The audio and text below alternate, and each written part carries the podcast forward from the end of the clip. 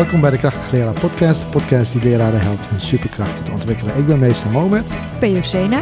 En vandaag hebben wij Esther Monfils en Belinda Herrewijn geïnterviewd over executieve functies. Ze hebben een uh, boek geschreven, uh, Breinhelden. En daar kun je meer informatie over vinden op uh, www.breinhelden.nl. Yes. En ze hebben ook binnenkort een boekpresentatie. En die hebben ze op 10 april tussen 3 en 5. En als je je daarvoor wil opgeven, en het is namelijk gratis, uh, kan jij uh, dat doen via info.breinhelden.nl. En opgeven kan nog tot 20 maart. Ja? ja? en dit komt allemaal in de show notes te staan. Ja, en dus uh, maak er gelijk gebruik van door je gratis aan te melden op, voor, voor die boekpresentatie. Mm -hmm. En dan gaan ze natuurlijk veel meer uitleggen. Het boek wat ze hebben geschreven daar gaan we in de volgende, volgende ja, ja, veel meer over vertellen. Ja, veel luisterplezier.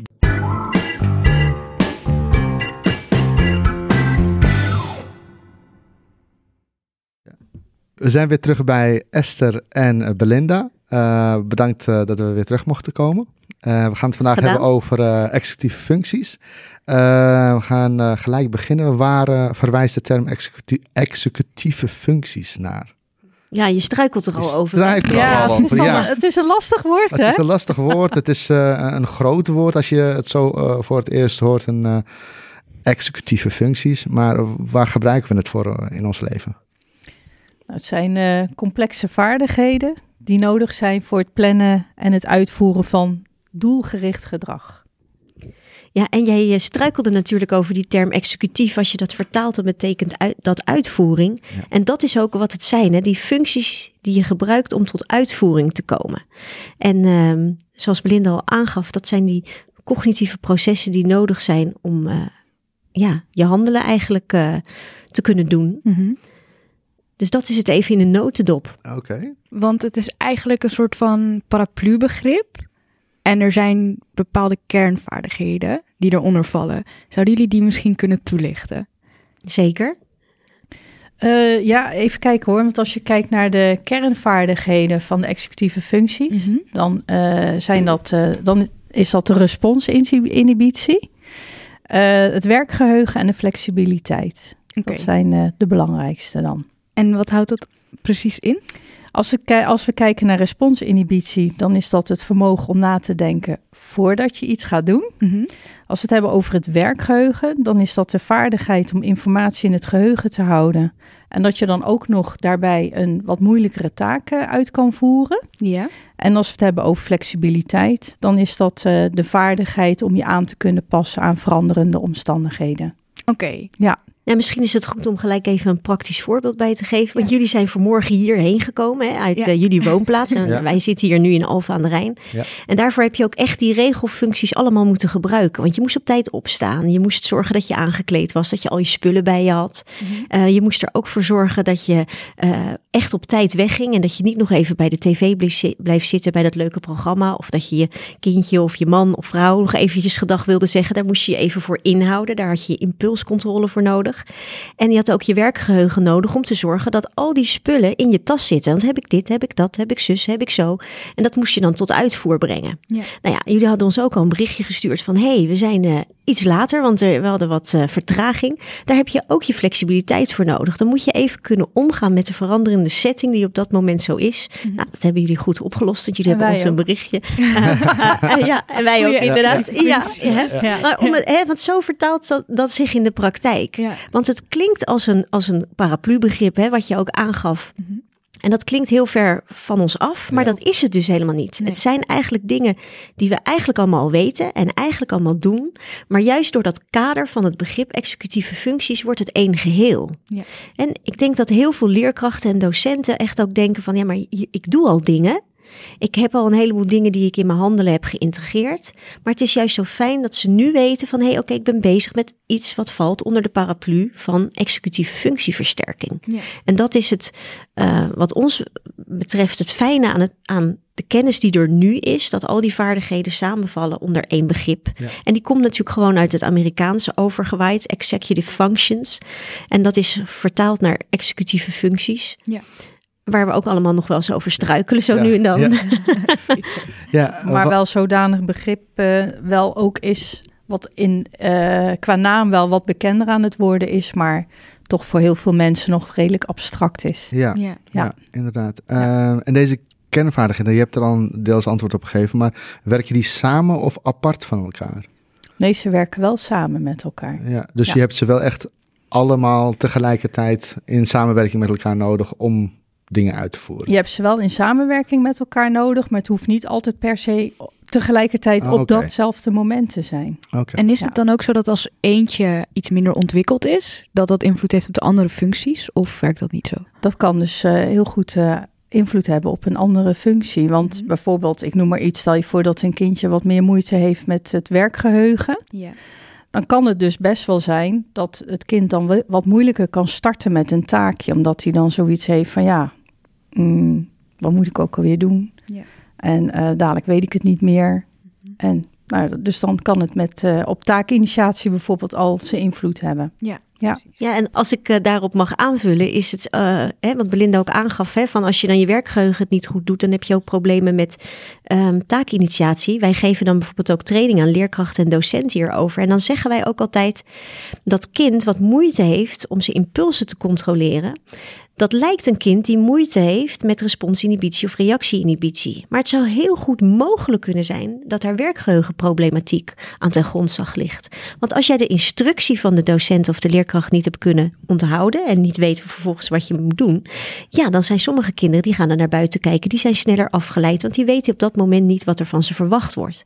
Dan lijkt zo'n kind een heel lastig kind met inhibitieproblematiek, maar feitelijk ligt er dan eigenlijk werkgeheugenproblematiek aan ten grondslag. Ja. En zo werkt dat eigenlijk dan allemaal heel erg nauw samen en kan dat ook van invloed op elkaar zijn. Ja, hoe eh, zorg je ervoor dat de executieve functies zich eh, optimaal ontwikkelen? Als docent of als opvoeder?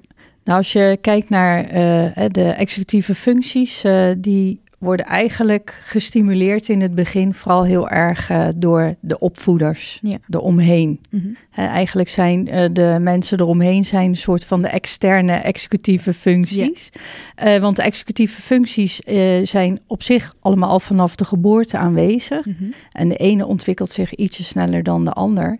Maar eh, de omgeving is dus heel erg belangrijk om eh, dus uiteindelijk dat die kinderen vaardiger worden in die executieve functies. Ja. Oké, dus het is wel normaal dus dat er een bepaalde variatie is. In, Ja. eh.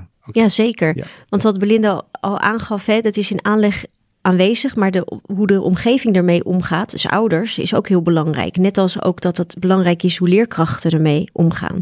En we weten dan ook uit onderzoek dat als de omgeving, dus of dat nou ouders of school is, heel responsief en sensitief zijn, Ja. dat dat dan heel goed ontwikkelt.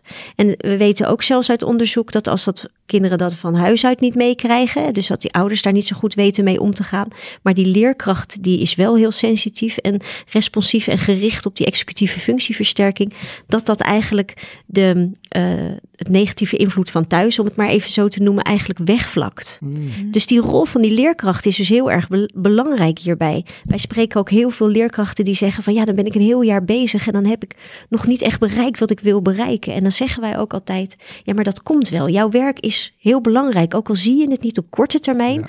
op lange termijn komt het wel. En in onze trainingen zeg- zeggen wij ook altijd van jullie hebben vast wel zo'n kind waarvan je vroeger dacht toen je die in de klas had, oh jee, zal dit nou wel goed komen? En dan kom je die later tegen bij de supermarkt. Als je net staat te bedenken, wat eten we vandaag? Ja. En dan kom je diegene tegen en dan is het, ha juf, eh, hoe is het nou? En dan zeggen we natuurlijk, ja nu en met jullie. Hoe met jou? Ja. En dan zeggen ze, ja, ik heb een eigen zaak. Ik ben aannemer geworden. En dan zie je dat dat toch is goed gekomen. Ja. En dat komt omdat dat ontwikkelt van, hè, vanaf eigenlijk al in de buik tot ver in de adolescentie. En niet iedereen volgt daarbij een bepaald, eh, een bepaalde norm. Mhm. Want iedereen heeft daar zeg maar zijn eigen tempo een beetje in. En daarom is die norm ook zo moeilijk te vatten. Hè? Want ze vragen ons ook wel eens... Ja, wanneer moeten kinderen nou eh reactie-inhibitie eh, ontwikkeld hebben? Nou, dat is dus eh, per kind echt Ja, verschillend. er is geen leerlijn voor. Nee, er is niet echt een leerlijn voor. Maar in die zin, kijk, op het moment dat een kind eh, zes of acht jaar is, dan vinden we dat dat er anders uit moet zien dan bij een twaalfjarige. Maar toch is het, luistert het allemaal niet zo nauw als dat je bijvoorbeeld ziet bij andere ontwikkelingsgebieden. Ja. Precies. En er zal waarschijnlijk ook wel verschillen uh, met jongens en meisjes. Nou, dat, dat, dat, uit onderzoek komt dat niet naar voren nee, dat dat anders is. Want nee. uh, tenminste, is het niet zo dus dat meisjes beter kunnen plannen, of al eerder beter kunnen plannen dan jongens? Of is dat, zeg ik, haal ik nu iets door elkaar? Nou, ik, ik, ik heb daar nog niet iets over gelezen in de literatuur die dat, dat, die dat ondersteunt. Okay. Het enige wat we wel weten, en dat zou, dat zou mogelijk er dan wel weer mee te maken kunnen hebben, op het moment dat er sprake is van een, van een ontwikkelingsstoornis, bijvoorbeeld als ADHD of ASS, dan is er altijd executieve functieproblematiek. Ja. Het is niet zo dat als je executieve functieproblemen hebt, dat je dan ook ADHD of ASS hebt. Mhm. Maar andersom is het wel het geval. Ja. En um, uh, kijk, de prevalentie daarvan is bij jongens en meisjes ook uh, anders hè, voor die Ja. stoornissen. Dus er zijn meer jongens die uh, ADHD hebben en meer jongens die A6 hebben. Dus misschien dat, dat, dat, dat je dan wel zegt, dan is er meer executieve functieproblematiek. Maar echt aan zich executieve functieproblematiek meer bij jongens of bij meisjes, daar is, er zijn nog geen harde... Oh nee, niet zozeer problematiek, maar de ontwikkeling daarvan. Dus dat uh, die verschilt bij jongens en van meisjes en meisjes. Dus dat, die Ja, is er niet? Nee, nee, nee, nee, oké. nee, nee, nee. dan, uh, Ik had nog wel een vraag over uh, wat de docent kan doen. Want het is dus belangrijk dat de omgeving sensitief en responsief is. Mm -hmm. Maar jullie noemden ook al dat um, wij, nou tenminste de omgeving, executieve functies, in eerste instantie de executieve functies uitvoeren van de kinderen. Niet geheel natuurlijk, maar Mhm. mm -hmm. daarbij helpen. Uh, maar hoe, hoe zie, ziet dat er concreet uit? Dienen ze dan te expliciteren wat je moet doen op dat moment? Of ja, hoe kan je dat voor je zien als docent? Uh, meestal is het zo dat je bij bepaalde kinderen wel ziet dat bepaalde vaardigheden wat minder goed gaan. Ja. En als je dan goed naar dat kind kijkt, Mhm. waar zou dat mee te maken kunnen hebben? Bijvoorbeeld hè, dat een kind moeilijk uh, kan starten Ja. met een uh, taak. Dan zou je dus zo'n kind wel kunnen helpen op het moment dat je je instructie hebt gegeven om dan bijvoorbeeld even naar zo'n kind uh, toe te gaan. Ja, precies. En dan even te kijken van hoe komt het uh, dat het kindje nog niet kan starten of deze leerling niet kan starten. En dat je dan daarbij uh, gaat zitten en meehelpt om wel te gaan starten. Kijk, Ja. wat heel belangrijk is, dat geeft Blinda ook aan, is hè, dat je het kind er op een gegeven moment bij gaat betrekken. Ja, ja. Je moet met die kinderen praten over executieve functies, Mhm. die hele mond vol. Ja. En uh, daarom moet dat voor kinderen ook anders, maar daar hebben we het later nog over. Um, want wat heel erg belangrijk is, is dat je kinderen uitlegt hoe het werkt. En dat Ja. je kan aangeven van, hé, hey, nu zien we dat het, dat het lastig is op het gebied van, nou noemen ze maar planning, organisatie, of jezelf aan het werk zetten, of in, daarmee je taakinitiatie bedoelend. Um, het is ook heel erg belangrijk dat de omgeving ook vertelt uh, hè, welke executieve functie er nou ook geoefend wordt. En ook heel veel zelfspraak laat zien. Ja. Bij zelfspraak is heel erg belangrijk omdat kinderen daar heel veel van leren. Want Mhm. moddelen is gewoon een hele krachtige leertool, zeg maar. Dus je moet met kinderen daar ook over praten. Ja. En dat is ook de reden waarom wij daar op een gegeven moment een praktische invulling aan hebben gegeven. Om, daar, om dat op met kinderen op een positieve manier te kunnen uh, be, bepraten. Um, kennis is ook heel erg belangrijk hierover, denken wij. Um, wij denken dat het ook goed is dat leraren en docenten uh, kennis nemen van executieve functies. Want dat zet alleen al zoveel meer uh, tot dat in dat kader. Dat hebben wij zelf ervaren. Wij komen zelf uit het onderwijs. Ja. En we wisten al een heleboel dingen. Je deed al een heleboel dingen. Maar Mhm. toen wij ons in gingen verdiepen, toen zeiden we zo. En nou valt alles mooi samen. Het zijn de puzzelstukjes die samenvallen als Ja. je wat meer kennis opdoet. Precies. En kennis is dus ook heel erg belangrijk. Dus een training of een workshop is ook echt aan te bevelen op dit Ja. gebied. Ja, oké, goede tip. ja. Hoe verschilt de vroege ontwikkeling zich van deze vaardigheden ten opzichte van de latere ontwikkeling? Nou, als het gaat uh, om de hersenontwikkeling, uh, de neuro of uh, de executieve functies, Ja. die zitten vooral aan de voorkant uh, van de hersenen. Ja. Dat is de prefrontale cortex. Mhm. En uh, die ontwikkelt zich vrij langzaam. Hè, dus die, vandaar ook die langzame of die lange tijdsduur, wat Esther net al zei. Het ontwikkelt zich ver door tot in de adolescentie. En als je bijvoorbeeld kijkt naar de inhibitieprocessen, die beginnen al voor het eerste levensjaar. Dan uh, zijn die al aan het uh, ontwikkelen. De flexibiliteit, die is eigenlijk pas na het zesde levensjaar. Dat duurt ongeveer tot het tiende levensjaar. Dat wil natuurlijk niet zeggen dat dat bij iedereen zo is. Maar hè, dus die inhibitie is veel eerder dan die flexibiliteit. Dat zie je waarschijnlijk ook wel eens als jullie ook aan jongere kinderen lesgeven. Ja. Zie je dat eh, ook, hè? Dat dat eh, ja, bij die hele jonge kinderen, dat ze best nog wel heel erg boos eh, ook kunnen zijn als er Mhm. iets gaat veranderen. Ja. En eh, als je bijvoorbeeld kijkt naar het plannen en het organiseren, als je dat eh, kijkt naar de leeftijd waarop de hersenen zich daarvoor ontwikkelen, dan is dat eigenlijk pas na het zevende levensjaar. En eh, nou, dus vandaar dat het vaak ook die huiswerkagenda en huiswerk opgeven, dat is ook niet zo handig om dat al gelijk vanaf groep drie eh, in te gaan zetten. Nee. Ja. Maar eigenlijk pas later in het, eh, in het school of in het eh, schoolse leven. Dus eigenlijk is het ook belangrijk om eh, te beseffen wanneer iets ontwikkelt, want anders overbevraag je leerlingen Het inderdaad kan soms misschien. best wel eh, dat je, hè, ik had bijvoorbeeld van de week had ik ouders Mhm. en die gingen eh, uit, het, eh, het jongetje was nog heel erg jong en die ging al uit van bepaalde vaardigheden, terwijl dat, dat bij dat jongetje nog niet ontwikkeld was. nee. En op het moment dat je dan kan uitleggen van ja, maar de hersenen zijn nog niet, wat dat betreft, nog niet voor hem zo ver ontwikkeld dat hij de- zich deze vaardigheid eigen heeft gemaakt, Mhm. zie je ook dat die ouders dan heel veel andere verwachtingen op dat moment van hem hebben. ja, ja, Ja. ja.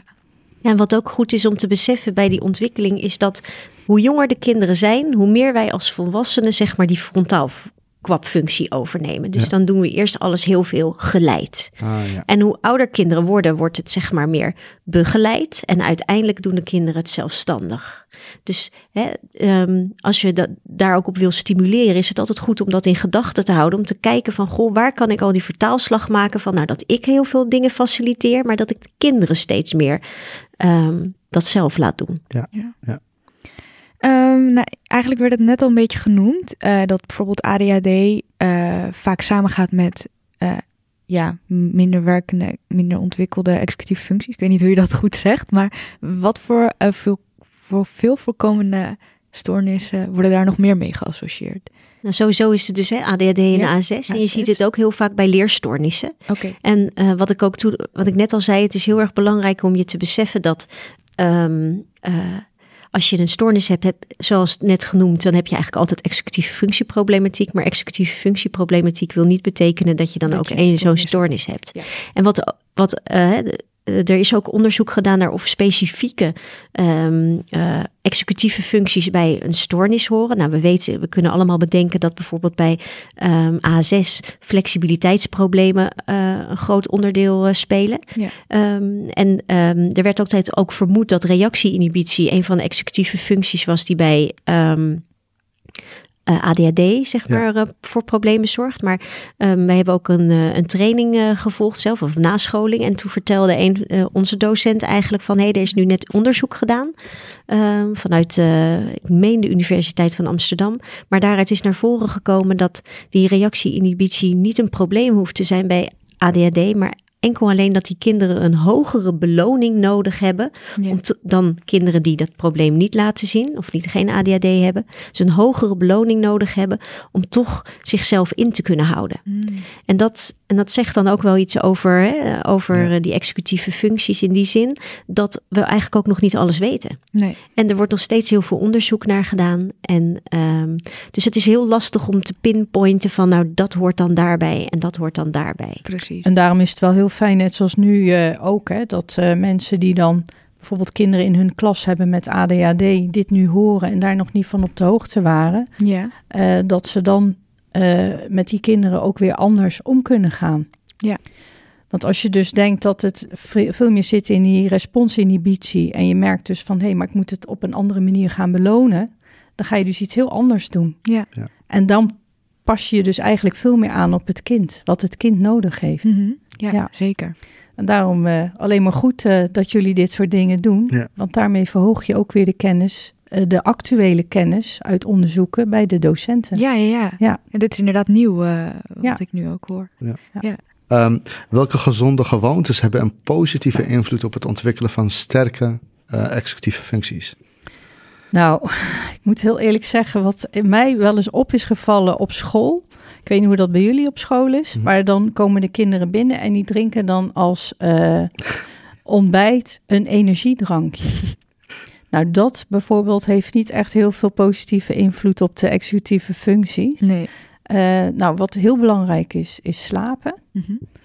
Eh, ontspanning is heel erg belangrijk. Gezonde voeding is belangrijk. En ook drinken. En dan heb ik het vooral over, niet over energiedrankjes, energiedrankjes, maar vooral over bijvoorbeeld water en thee. Ja. Dus dat zijn wel eh, hele belangrijke aspecten om rekening mee te houden. Ja.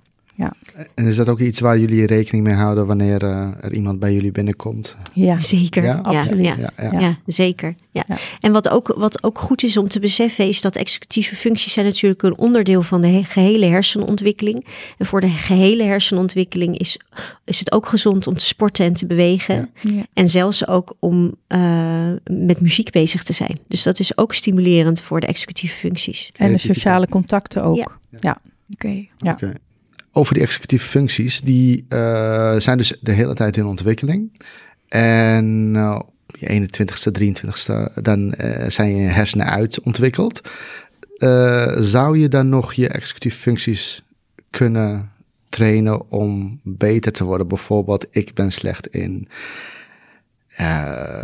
plannen, bijvoorbeeld. Ik, ik zeg maar even wat. En eh, eh, dat je op die manier denkt van oké, nou, nou wil ik daar een keer wat aan gaan doen. En dat je dan alsnog eh, een interventie hebt om daar wat aan. eh, is dat nog mogelijk? Nou ja, jij zegt net hè, 21, 23. Dat heb je ook in een van de literatuurboeken, denk ik, gelezen. Ja. Maar daar is niet iedereen het over eens. Daarom noemen wij al de term ver in de adolescentie. Ja. Dat laat een beetje ruimte daarover. Want er worden steeds meer onderzoeken gedaan, ook zelfs bij oudere leeftijdscategorieën, dat er nog wel, ehm, dat je nog wel wat zou kunnen leren. Want anders zou iedereen na zijn 22e, 23e achterover kunnen gaan leunen. En dat is niet de bedoeling. Ja. Maar dat zijn terreinen die allemaal onderzocht worden op dit moment. En Ja. daarom houden wij, eh, noemen wij het ook eens hè, tot ver in de adolescentie, Ja. omdat, omdat dat nog niet zo genuanceerd is. Nee.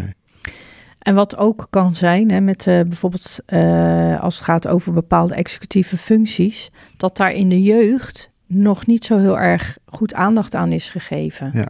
En op het moment dat je er bewust van wordt van hé, hey, eh, dit is voor mij dus blijkbaar een valkuil en dat heeft nog nooit eerder de aandacht gehad, Mhm.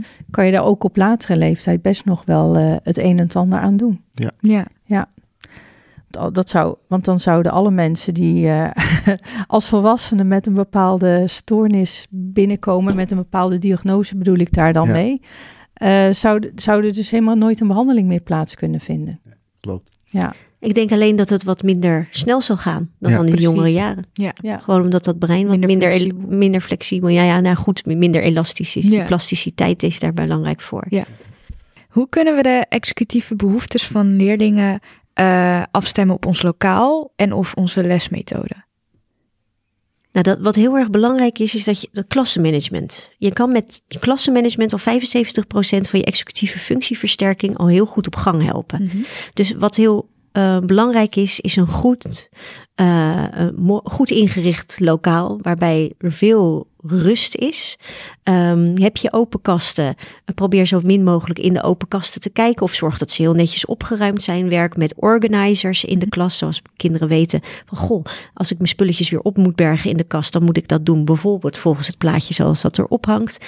Ehm, we zien wel scholen waarbij er zoveel visuele prikkels zijn en dat er geen, ehm, ja, geen evenwicht in is. Je kan natuurlijk eh, allerlei dingen ophangen, maar zorg voor aparte secties in je klas waarin je wat, dat soort dingen doet. Ja. Ehm, en dat is gewoon heel erg belangrijk. Waar kunnen kinderen zelfstandig hun spullen vinden? Weten ze waar ze spullen moeten opruimen? Eh, staan de tafels netjes? Wordt er één keer in de week gezamenlijk is goed opgeruimd? Of misschien was even een poetsbeurt eh, gehouden? Weten kinderen waar ze spulletjes kunnen vinden als bijvoorbeeld eh, hun potlood op is? Of eh, niet meer slijpbaar is? En gummetjes en dat soort dingen. En dat is eigenlijk heel erg belangrijk. Dus dat is voor in je, in je klasinrichting hè, heel erg belangrijk. En met name tot de structuur. Ehm, duidelijke regels en afspraken waar je zelf ook echt aan houdt. Want dat ondersteunt de executieve functieversterking. Ja, dus eigenlijk zou het een omgeving moeten zijn die de leerlingen de kans geeft om ook autonoom te zijn. Ja, Oké. zeker. En wat ook heel erg belangrijk is daarin, is dat, eh, hè, we hadden het natuurlijk de vorige keer over mindset gehad, maar dat Ja. in een klas het ook veilig is om fouten te mogen maken. Ja. En eh, dat er niet per se eh, hoe sneller, hoe beter is. Dat zijn ook eh, belangrijke aspecten die meehelpen bij een, een gezonde ontwikkeling van executieve functies. Ja. Ja. Mooi. Oké. Eh, we zijn al heel wat wijzer eh, over executieve Mhm. functies. Eh, maar waar kunnen leerkrachten terecht voor eh, meer informatie? Zijn er workshops die eh, ze kunnen volgen? Nou, we hebben een heleboel literatuur hier uitgestald liggen. Ja. Dat weten de mensen niet, maar jullie hebben foto's van gemaakt. Dus ik denk dat ze weer onder in de showcase worden genoemd. Ja, die gaan we zeker in de show notes, De show notes, ja, sorry. eh, Ja. eh, noemen. En is er nog ergens, zijn er workshops die ze kunnen volgen? Ja, bij ons. Bij, wij bieden die zelfs zelf. En daar vinden jullie meer informatie over op eh www.depraktijkvoorkids.nl, maar ook op eh www.breinhelden.nl. We hebben twee websites waar we, waarvanuit we trainingen hierover geven. Ehm, en daar kunnen eh, men zich, kan zich daarvoor inschrijven via open inschrijving of eh, voor informatie over in-company mogelijkheden. Mhm. Dus dat, dat kan zeker. En eh, Super. Super. Ja, Ja, eh, heel erg bedankt voor deze informatie. Eh, we willen wel zeggen dat de volgende podcast eh, gaat over breinhelden. Dus als je dit heel erg leuk vond en interessant, dan moet je zeker naar de volgende podcast gaan luisteren. dat is trouwens een boek over executieve functies. Oh ja, van Belinda, Van en Belinda en Esther. Esther. Ja. Dus eh, eh, ehm, nou, tot de volgende keer. ja. He- heel erg bedankt. Dankjewel. Doeg. Doeg.